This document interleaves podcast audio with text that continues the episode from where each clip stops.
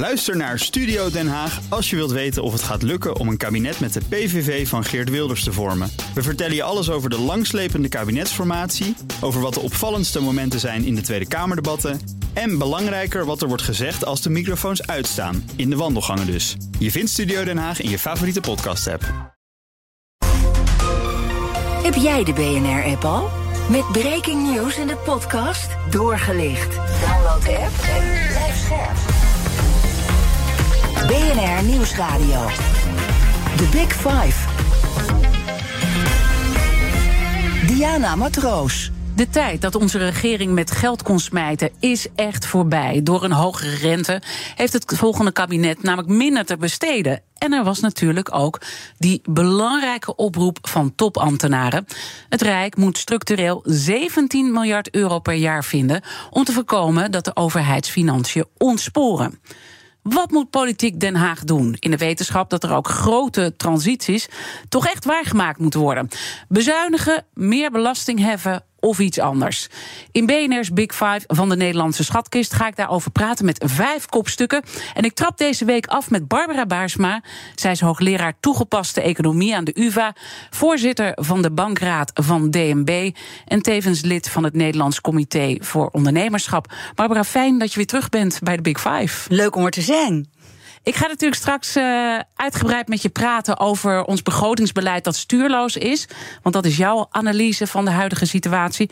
Maar voordat ik dat ga doen, wil ik twee dingen aan je vragen. En het eerste is natuurlijk toch ook even refererend aan jouw uh, voormalige positie als topbankier van Rabobank. We zien nu dat politiek Den Haag al nou, driftig op zoek is naar geld.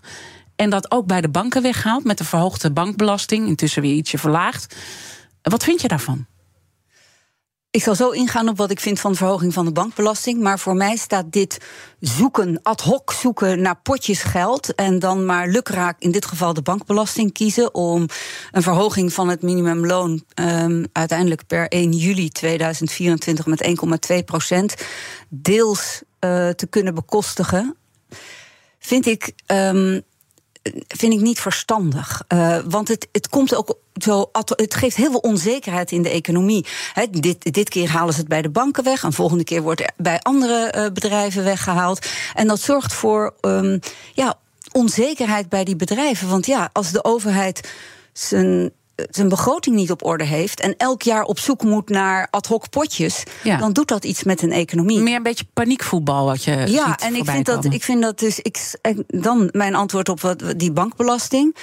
Kijk, als je vindt, politiek gezien, dat de, de winsten van banken uh, te hoog zijn, dan moet je daar en dat is nu zo, mm -hmm. overigens, uh, omdat de rente uh, wat hoger is. Lange tijd was de wind, winst ook te laag. Dan moet je daar iets aan doen. Dan moet je daar structureel iets aan doen. En niet nu ineens omdat het je uitkomt. Los daarvan vind ik het een onverstandige maatregel. Ook al is die verlaagd, uh, die verhoging van de bankbelasting van 350 naar 150 miljoen. En dat zeg ik niet als ex-bankier, maar dat zeg ik misschien nog meer als lid van het Nederlands Comité voor Ondernemerschap. Want wie gaan hiervan last krijgen? Dat zijn bijvoorbeeld MKB'ers, voor wie het moeilijker wordt om krediet te verkrijgen. En zeker voor kleine MKB'ers die mm -hmm. relatief kleine leningen nodig hebben, is het al best moeilijk om bankaire financiering te krijgen. En dan gaat dit soort beleid niet helpen. Um, en daarnaast denk ik meer op lange termijn dat je voor de stabiliteit van uh, het financiële stelsel op nodig hebt dat banken een gezonde winst maken. Mm -hmm. nou ja, er is ook een beetje gedreigd natuurlijk van dat sommige banken dan zullen wegtrekken. En dat zie je ja, natuurlijk dat, vaker qua bewegingen. Hè, dat er dan meteen die dreiging boven ja, de markt hangt. dat vind ik geen geloofwaardige dreiging. Um, en, dat, en ik geloof dat de banken dat zelf ook niet zeggen. Dat dat meer in, de politiek, uh, in het politieke spel werd gezegd door politici. Um, en ik vind sowieso dreigen nooit... Uh, ik vind dat je gewoon op argumenten. Mm -hmm. En ik vind dat zowel kredietverlening aan het MKB als stabiliteit van banken. En wat bedoelde ik daarmee? Je hebt um, vet op de botten nodig. Net zoals de schatkist vet op zijn botten nodig heeft, heeft ook een bank vet op zijn botten nodig. Dat hebben we gezien in de financiële crisis. Mm -hmm. He, dat je tegen een stootje kan. En banken gebruiken een deel van, hun, van de winsten om vet op de botten te krijgen, om aan kapitaalratio's te voldoen. En als je dan zo graag iets wil doen om banken uh, beter te reguleren, doe dan iets aan die kapitaalratio's. Die zou je mm. misschien nog een klein stukje kunnen verhogen. Misschien kunnen we er zo meteen nog verder over praten. Want er zit natuurlijk ook wel een sentiment gaat daaronder dat, dat de bedrijven gewoon te veel verdienen. En ook in moeilijke tijden te veel verdiend hebben. Uh, dat ligt er misschien toch ook een beetje aan ten grondslag. Maar daar komen we straks wel op. Het tweede wat ik uh, aan je zou willen vragen, is ook een beetje een persoonlijke vraag. Mis je bankenwereldje een beetje? Want je bent nog maar heel kort weg eigenlijk, hè? nu een paar maanden. Ja, dat klopt. Nou ja, ik, ik, heb, ik mis. Uh, wat ik mis is. Um, de potentie die het bankwezen heeft om het verschil te maken in bijvoorbeeld die lange termijn transities als vergroening. Um, en uh, daaraan meewerken, dat, dat, dat enerzijds mis ik dat, maar aan de andere kant heb ik ook gezien hoe moeilijk dat op dit moment is uh, voor banken. Hè. Banken zijn ook ontzettend bezig met, laten we even het onparlementair zeggen, issues uit het verleden op te lossen. Dan gaat het over uh, te hoge kosten, IT-problemen, de, de witwasregulering goed en wel uh, implementeren. En daar gaat heel veel energie naartoe op dit moment binnen uh, banken. begrijpelijk en mhm. terecht. Um, mijn hart gaat sneller kloppen en mijn verstand gaat meer aan als ik op de toekomst van het bankwezen mag werken. En um, ik denk dat ik ook in, in andere posities daar een bijdrage aan kan leveren. En mhm. daar kies ik nu voor. En laten we dan nu ook uh, met jou gaan kijken hoe de Nederlandse schatkist ervoor staat. En ook, uh, nou, een beetje, laten we ook wat dingen uitleggen. Hè? Want we hebben zo vaak uh, dat we dingen benoemen, maar dat we eigenlijk niet goed weten waar nou het essentiële probleem zit en hoe de regels ook in elkaar zitten. Dus dat doe ik graag met jou als eerste. Hoe staat de Nederlandse schatkist er in jouw ogen voor op dit moment? Nou, als je vraagt op dit moment, hè, dus uh, dan kijken we naar het beeld zoals het CPB dat heeft doorgerekend. naar aanleiding van de miljoenennota die in september op Prinsjesdag werd gepresenteerd dan is er niet direct een heel groot probleem. Hè? Als je kijkt, waar wordt dan vaak naar gekeken? Als het gaat om begroting, dan kijk je naar het begrotingssaldo. Dus het verschil tussen wat er wordt uitgegeven en wat er binnenkomt. Mhm. Nou, die, die, um, die is op zich in 2023 is, die nog, uh, is dat tekort niet groter dan 3% Wat is ook weer die 3% Nou, dat is een van die normen waar we het straks over kunnen hebben. In dit geval een Europese norm. Uh, die zegt dat dat tekort niet meer dan 3% mag zijn. Nou, vooralsnog is dat tekort niet groter dan 3% maar als je een beetje vooruit kijkt, en dat doet het CPB ook, dan zie je dat uh, RAS, namelijk al in 2028, en dat is toch het einde van de komende kabinetsperiode, van het nieuw te kiezen kabinet, uh, zie je dat dat wel um, uh, richting de 4% gaat. Dus dat, dan hebben we echt wel een issue. En daarom kwam ook, waar je eerder aan refereerde, die studiegroep begrotingsruimte met het advies ga nou een beetje aan de veilige kant zitten. Dat je wat vet op de botten hebt voor als het tegenvalt die komende jaren. En ga niet op die koers niet op die bijna 4% begrotingstekort, maar ga naar 2% begrotingstekort. En dat betekent dus dat je 17 miljard of minder moet uitgeven of meer lasten uh, moet verzwaren. Nou, dat is één ding. Dus je kan kijken naar het begrotingssaldo, maar je kan ook kijken naar de schuld. En de schuld, um, die drukken we vaak uit als percentage van het bruto binnenlands product. En die mag dan niet meer zijn dan 60% van het BBP. Nou, deze verwachte kabinetsperiode, hij gaat er even vanuit dat het mm kabinet niet vervolgd valt, in tot 2028 blijft die onder de 60 procent. Dus eigenlijk op de korte termijn hebben we helemaal niet zoveel problemen, maar, op de, lange, termijn, wel. Eh, dus op, in 2031 gaat die boven de 60 procent, is de verwachting. Dus dan moet je nu al iets aan doen. En dan een derde die ik wil noemen, die ik echt wel uh, belangrijk vind, want die kijken nog wat verder vooruit. Dat zijn twee dingen. Dat is het structurele saldo. Daar gaan we straks allemaal over hebben wat dat is. Dus nu denkt de luisteraar misschien, oh, wat is ja, het zijn allemaal moeilijke termen ja, allemaal, die toch Maar het valt wel mee. Het is niet eens zo moeilijk. Het is ook vaak jargon. Dat klinkt dan heel ja, interessant. maar in feite is het gewoon, eh, nou, het is allemaal niet zo moeilijk. Um, nou, maar dat is ook fors te hoog. Hè? En daar zitten we echt fors te hoog. Maar je kan het uitleggen door ook te kijken naar het houdbaarheidssaldo. Leven wij op de op de pof. Leven wij, schuiven wij nu rekeningen door naar toekomstige generaties? Kunnen toekomstige generaties hetzelfde voorzieningenniveau als wij vandaag mogen genieten in Nederland? hebben zonder dat de belastingen verhoogd hoeven worden? En het antwoord daarop is nee. Zelfs heel fors nee. En uh, het, uh, daar zie je zelfs dat het, het houdbaarheidstekort, mm dus het, het, is zelfs hoger dan het ooit is geweest. Hè. We berekenen dat soort dingen sinds 1997. En nu zou dat, uh, is dat tekort na. Um, ja. Het coalitieakkoord van Rutte 4 was dat. Um, is dat Ja. tegen de 5 procent. Ja, dus, je, dus je waarschuwt echt voor die lange termijn. Maar het is ook goed om te kijken hoe zijn we dan eh, hier gekomen. En we komen natuurlijk ook, als je gewoon wat jaren terug gaat kijken, uit een hele pittige bezuinigingsperiode onder Dijsselbloem. Hè, is er veel bezuinigd. En toen is er ook eh, onder andere door Christine Lagarde in 2019 gezegd: Nou, Nederland moet niet zo zuinig doen. Dus het komt ook wel ergens vandaan dat we dat hebben gedaan. Dat we heel veel nou, met geld hebben gesmeten, als je het zo zou willen noemen. Ja, met geld smijten vind ik nooit zo'n goed idee. maar uh, nee, um, het klopt dat wij uh, in tijden van um, uh, recessie, depressie zelfs op een goed moment. Mm -hmm. of nee, recessie moet ik eerst zeggen. zijn, is Nederland fors gaan bezuinigen. En toen kregen wij als een van de weinige landen een, een, een driedubbele dip. En dat kwam mede doordat de overheid ze op de rem is gaan staan. En dat is meer mijn kritiek op, ook op deze. Uh, ik kan de link leggen naar nu. Kijk, toen stonden we er heel slecht voor. We hadden um, uh, echt een recessie. Nu staan we daar eigenlijk helemaal. De economie groeit. Uh, er is een hele lage werkloosheid. We hebben, zoals je dat noemt, uh, de, de reservecapaciteit in de economie is, zit tegen zijn grenzen aan. Is vol benut. Hè. De, de prijzen gaan ook enorm omhoog. Uh, ja, dat komt door de oorlog in Oekraïne en de energieinflatie. Maar we zitten aan de grenzen van wat we kunnen. Zitten nu, zou je kunnen zeggen, tegen een hoogconjunctuur aan. Terwijl we dat in, de, in die, wat jij noemt, Dijsselbloemperiode, was het een enorme laagconjunctuur. En wat de begroting moet doen, is juist voor stabiliteit zorgen. In tijden van laagconjunctuur moet je niet bezuinigen, maar een beetje uh, bij, uh, uh, mm. de economie wat ondersteunen. In tijden van hoogconjunctuur moet je het je juist niet gaan bijplussen. En wat zien we? Dat coalitieakkoord van Rutte 4 was nog expansiever dan Den L in de jaren 70, waar toch vaak op af wordt gegeven. De Big Five. Diana Matroos. Mijn gast is Barbara Baarsma. Zij is hoogleraar toegepaste economie aan de UvA en voormalig topbankier. En met de analyse die je dus maakt van de huidige situatie, kom je dan ook tot het punt, concluderend dat je zegt: op dit moment is ons begrotingsbeleid stuurloos? Ja, want je hebt, je hebt ankers waaraan je uh, begrotingsbeleid kunt ophangen.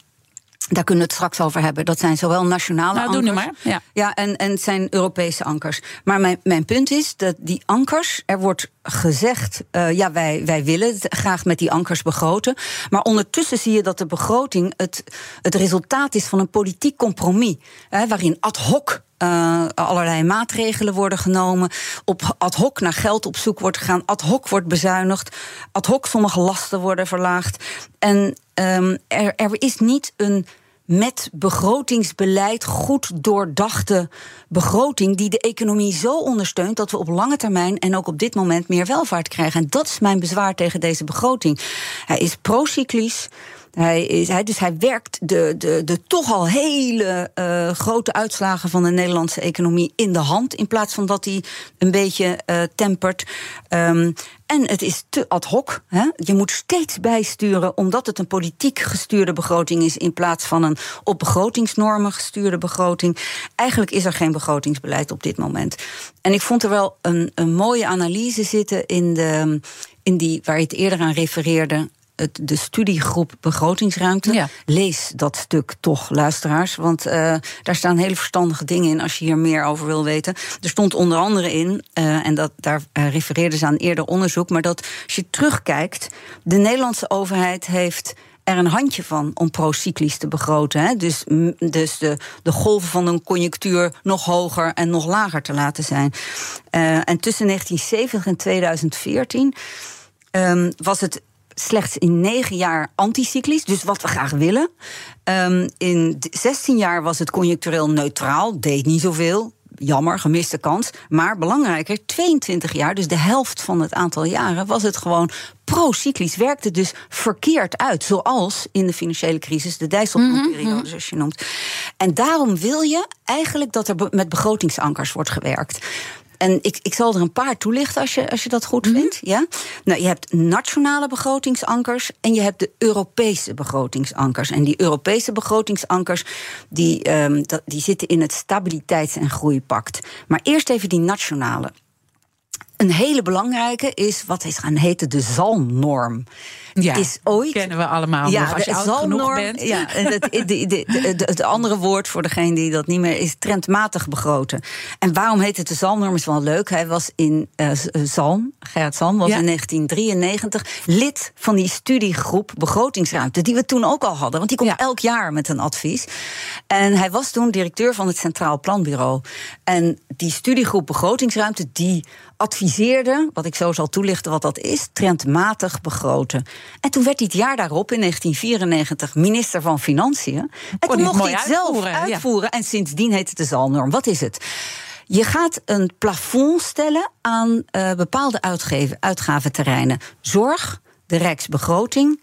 Ehm, en aan ehm, sociale zekerheid. En dit jaar is daar in- zijn daar investeringen, al die fondsen, hè, klimaatfonds en zo aan toegevoegd. En die vier uitgavenplafonds, je mag niet meer uitgeven dan je in die plafonds hebt afgesproken. En je mag ook niet tussen die uitgaventerreinen ehm, eh, meevallers in de ene eh, terrein eh, gebruiken in de andere. Je mag dus niet een meevaller in de WW-uitkeringen gebruiken om bijvoorbeeld eh, de zorgkosten te dekken.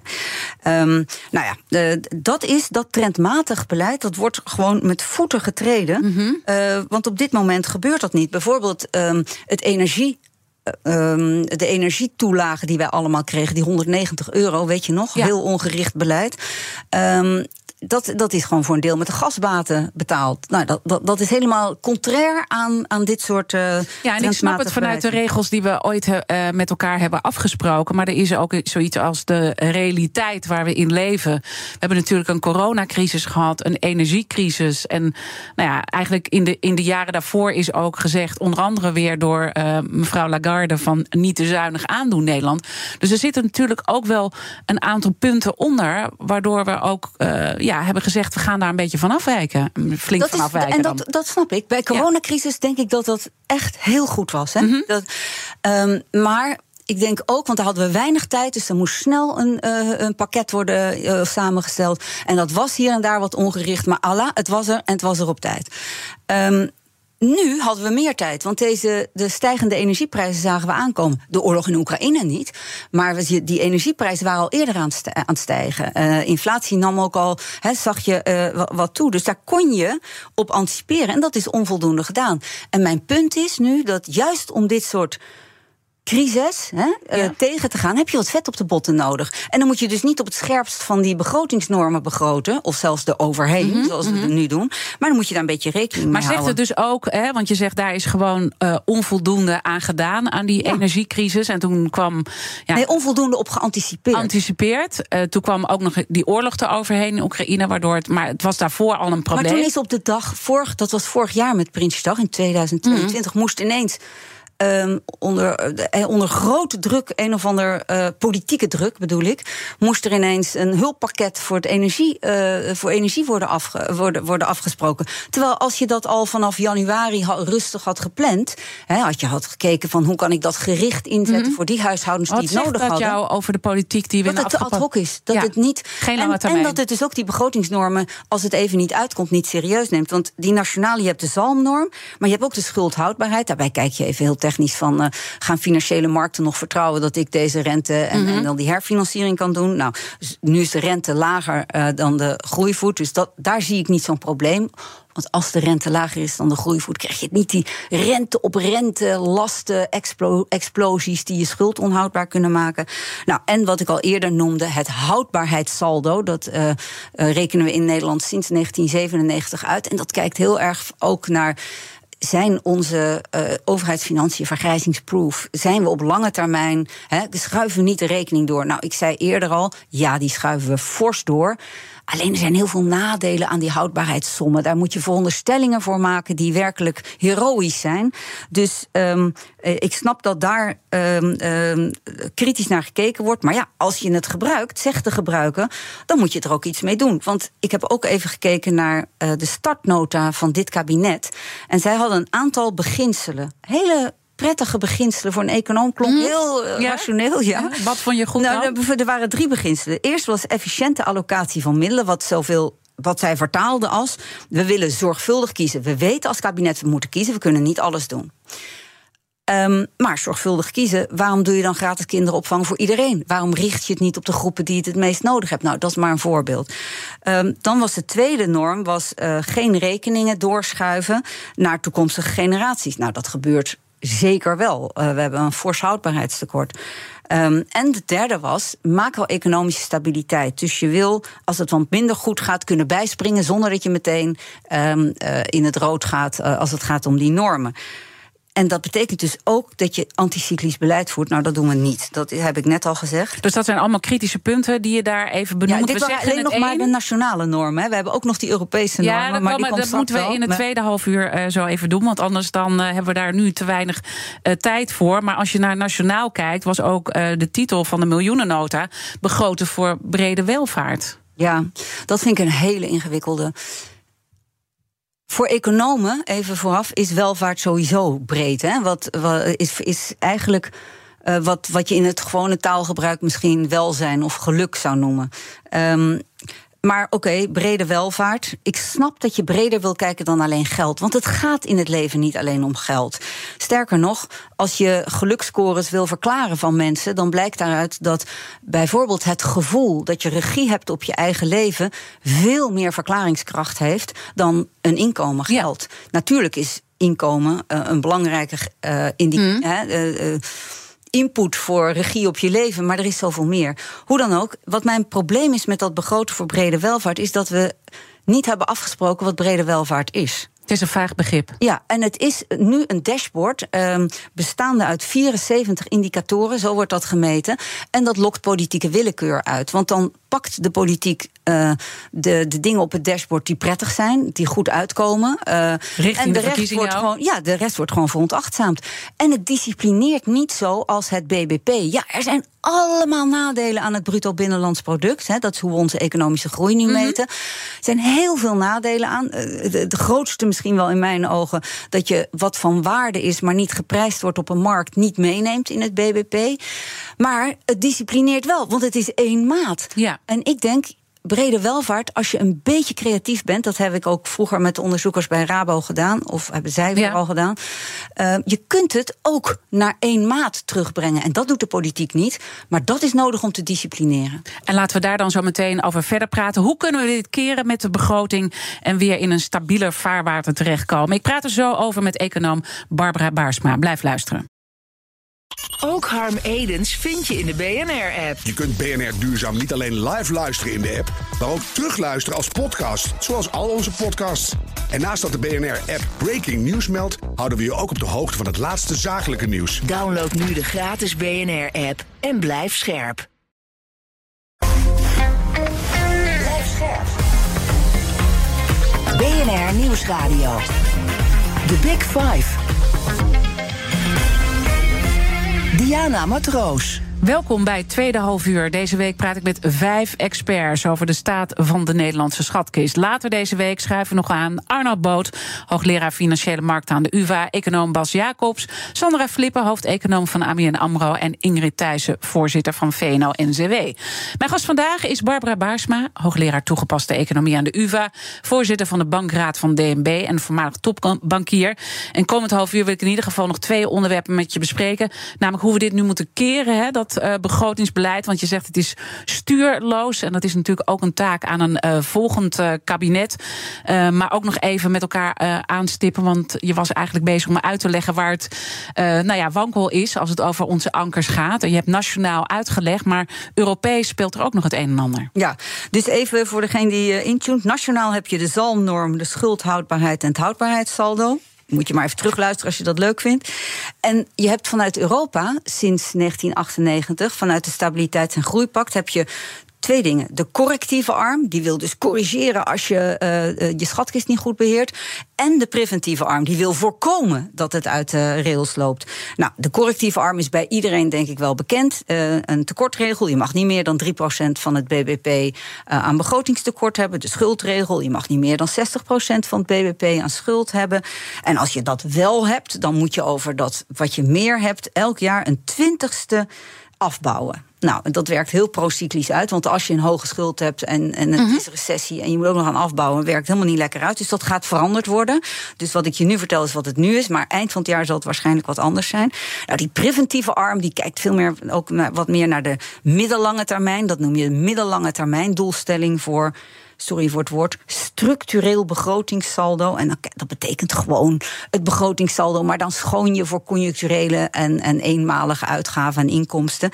En die mag, dat wordt elke drie jaar voor elke lidstaat opnieuw berekend. En voor Nederland is dat op dit moment 0,75 procent. En daar zitten wij ver boven. Dus dat zijn allemaal eh, Ja. signalen dat het niet goed gaat Ja. op de lange termijn. Ja, eh, en, en inderdaad, deze vind ik wel, die moet je wel serieus nemen. En dan is er ook nog een netto-uitgavenregel. Ik ga daar allemaal nu even niet op in, maar dat heb je dus. Je hebt dus nationale begrotingsnormen en je hebt Europese begrotingsnormen.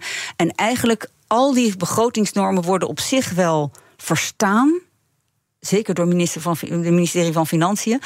Maar niet toegepast eh, in de politieke arena. Als het politiek uitkomt, wordt het gewoon met voeten getreden. En het gevolg is dat we dus veel te scherp begroten. En als het dan een keer tegen zit, dan heb je geen vet meer op de botten om er iets aan te doen. En als je dan naar ons land kijkt, eh, Duitsland heeft ook altijd heel veel geld uitgegeven in de afgelopen jaren. Zie jij da- dat die dat anders aan het doen zijn en lopen we niet meer in de pas met Duitsland? Nou, de, de vergelijking met Duitsland is sowieso met andere lidstaten vind ik een, een ingewikkelde. Het enige wat vergelijkbaar is met Duitsland is dat ook daar ehm, die begrotingsnormen van oudsher serieus genomen worden. Hè, waar bij een prudent begroten, laten we het zo maar noemen, eh, hoog in het vaandel had staan. Eh, en ook daar zie je wel tendensen om nu wat makkelijker, in mijn ogen ongericht, te gemakkelijk eh, geld uit te geven. En misschien ook niet aan de goede dingen. Ik bedoel, in Duitsland hebben ze echt heel veel achterstallig onderhoud als het alleen al gaat om digitalisering, infrastructuur en dergelijke. Nou, dat verhaal is bekend. Maar ik, je kunt het niet één op één vergelijken, Nederland en Duitsland. Laten we kijken waar de oplossing ligt. En daar komt ook de kettingvraag op de hoek kijken. Eh, vorige week sprak mijn collega Art Royakkers met Dirk Broeders, bijzonder hoogleraar finance aan de Universiteit Maastricht en senior risk manager bij de Nederlandse Bank. Dat was een andere Big Five. Dat ging over duurzaam beleggen. En Dirk had deze vraag voor jou, luister maar. Onlangs verscheen het 17e rapport van de studiegroep Begrotingsruimte. Dat is een eh, interessante studie. En wat we eigenlijk zien de laatste jaren is dat de politiek eh, met geld eh, over de brug komt als er een probleem is. Denk aan de pandemie, denk aan de armoedebestrijding. En ook de energiekosten die oplopen. En eigenlijk door er veel geld tegenaan te gooien, is er misschien minder aandacht voor structurele oplossingen. En ehm, ja, de vraag eigenlijk die ik aan Barbara zou willen stellen. Is het mogelijk om de begrotingsdiscipline terug in de fles te brengen? En zo ja, hoe? Hoe bereiken we dat? En wat is je advies eh, aan de politiek? Ja, dat is de vraag, hè, natuurlijk. Prachtige vraag.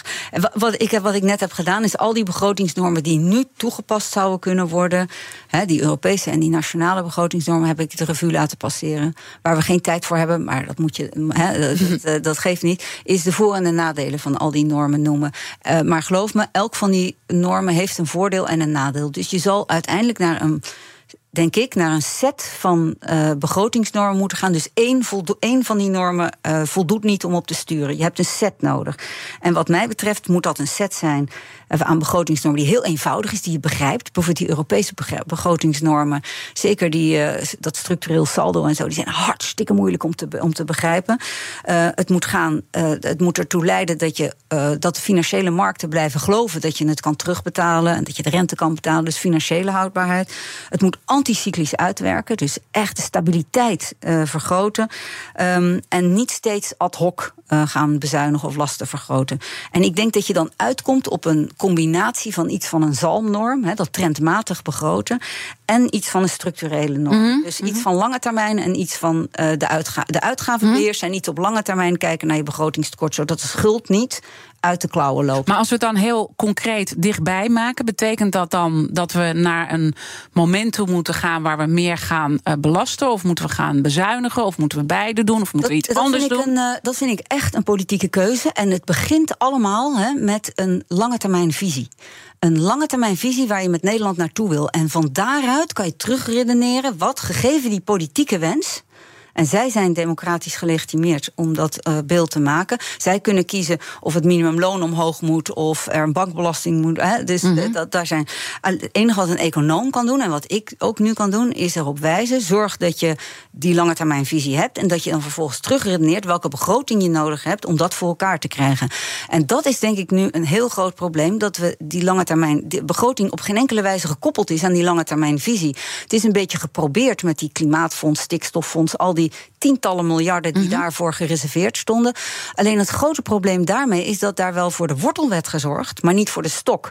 Um, en als je miljarden een economie in laat stromen, zonder dat je een mechanisme inbouwt, een stok inbouwt om die naar een groene, een goede kant op te sturen, dan kan dat ook zomaar leiden tot allerlei ja, projectjes die niet per se de economie aan zich hè, als geheel vergroenen. Mm -hmm. dus je hebt... En het kan ook zijn dat er lukraak uit zo'n fonds dan in één keer geld wordt gepakt. Want dat zagen we natuurlijk ja, met dat... de accijnsverhoging. Ja, dat, uh, dat, was helemaal absurd. Toch? Dat was uh, een, een, een, plan om de brandstofaccijns, dus op diesel en op benzine, niet per aanstaande januari te verhogen. Zoals hè, weer terug te brengen op het oude niveau van voor de oorlog eigenlijk. Voor de oorlog in Oekraïne. Um, en daar dan maar dat te betalen met het groeifonds. Terwijl het groeifonds is voor lange termijn vergroening. En dit is korte termijn vergrijzing. Dus het is in alle opzichten was dat een heel raar iets. En laat maar zien hoe ad hoc het is. Maar wat ik denk is dat als je puur alleen naar begroting kijkt, hè, dan zou ik drie dingen, zou ik aan drie knoppen draaien als, als ik het voor het zeggen had.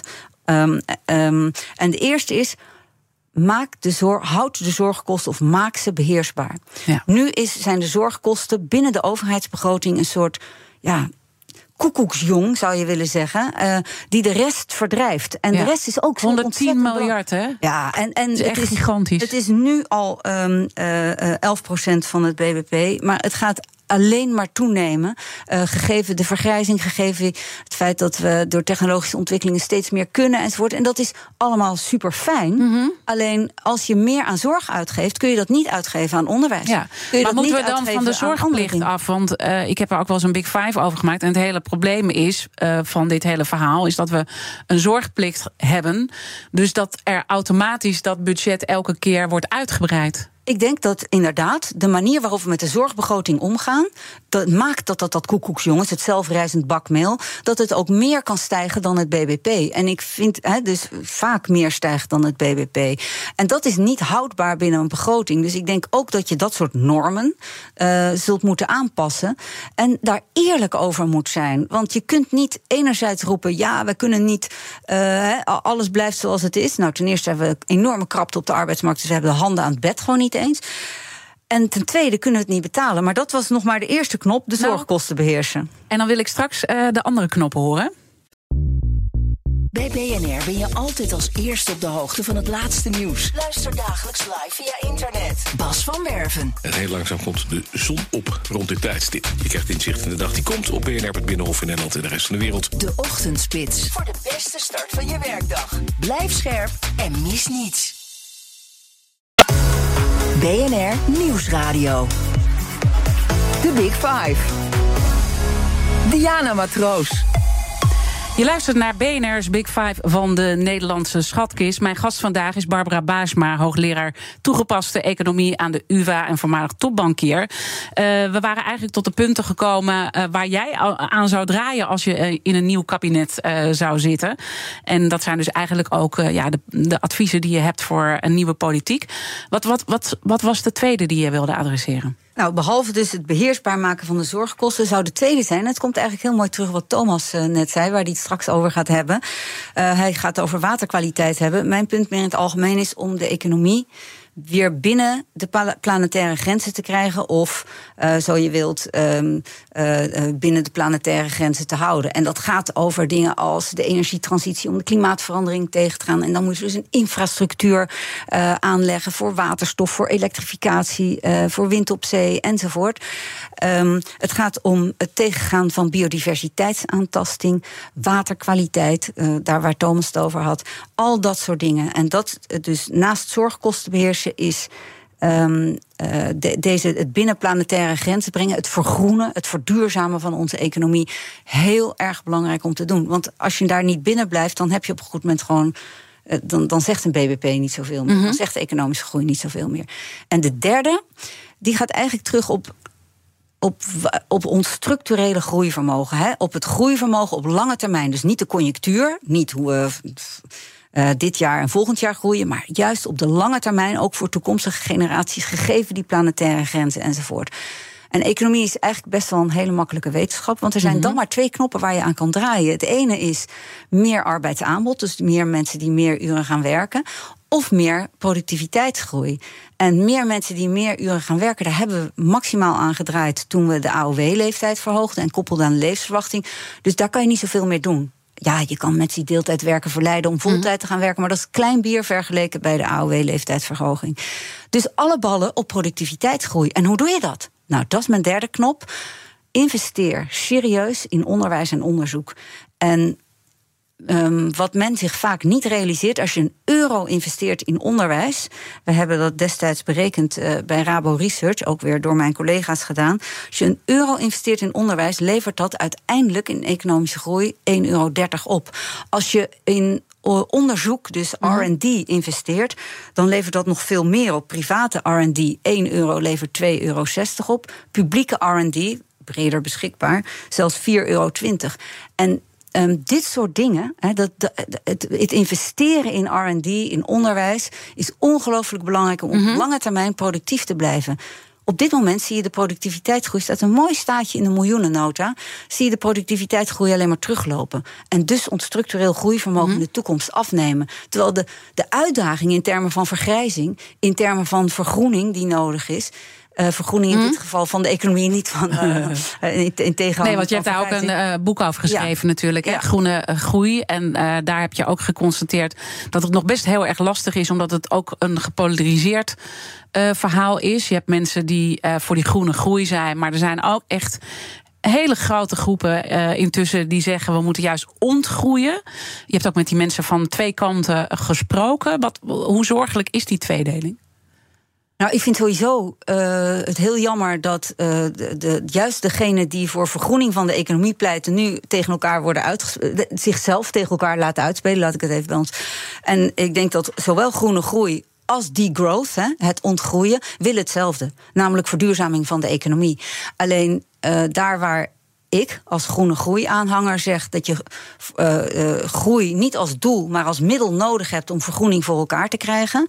Um, zeggen zij, nee, je kan ook wel met minder economische groei. En ik zie dat gewoon niet gebeuren.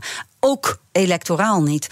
Omdat namelijk um, we niet alleen extra uitgaven nodig hebben voor, voor, voor, verduurzaming van de economie, maar ook om de kosten van vergrijzing bijvoorbeeld tegen te gaan. En dat zijn die zorgkosten waar we het eerder over hadden.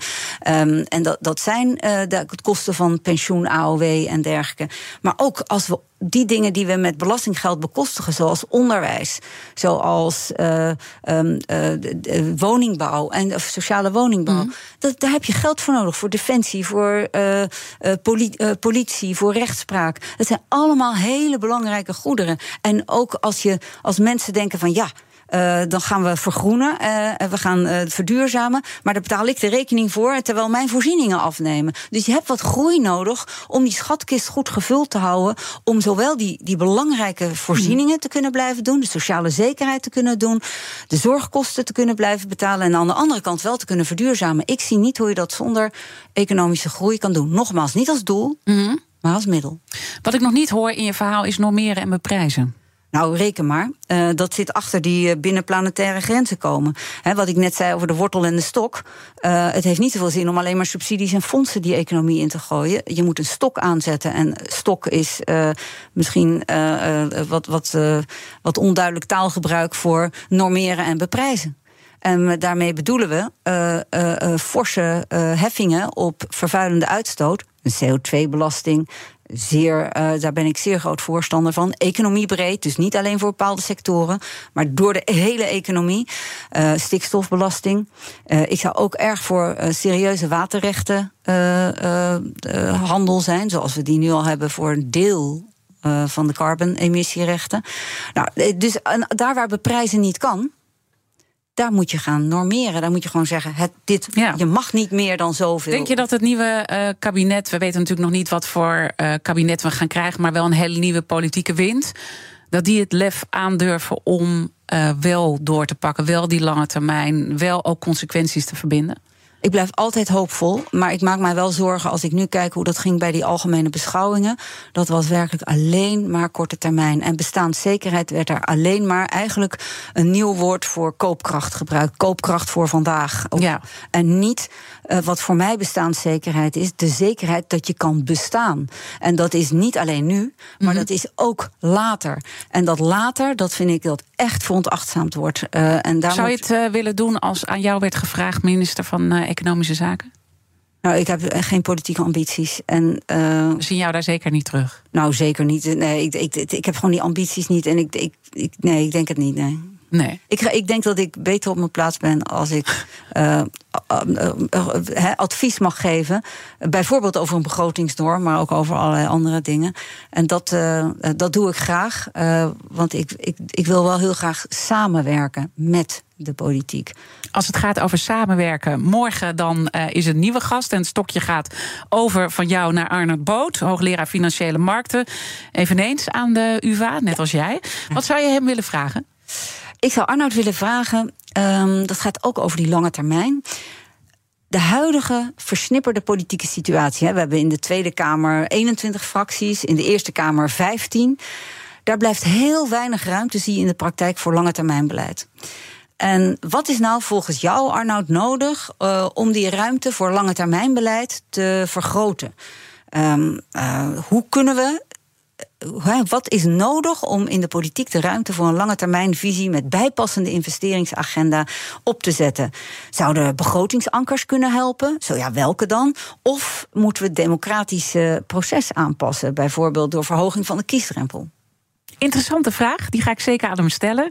En ik wil heel erg danken dat je weer terug was. De tijd was eigenlijk te kort, jammer, het zit erop. Maar ga heel graag de volgende keer. Heel graag. uh, natuurlijk is alles uh, van de Big Five zoals altijd terug te luisteren. Abonneer gewoon op onze podcast. Of ga naar Spotify of wat voor favoriet platform voor jou dan ook. Want dan mis je niks. En mis zeker ook niks uh, van onze zender. zometeen BNR Zaken doen met Thomas van Zijl. Ik wens je een mooie dag. Ook Liesbeth Staats vind je in de BNR-app. Ja, heel handig. Luister live naar Kees en mij tijdens de Daily Move. Dan blijf je ook gelijk op de hoogte van breaking news en het laatste zakelijke nieuws. En daar vind je ook alle BNR-podcasts, waaronder de Perestrooikast. Download nu de gratis BNR-app en blijf scherp.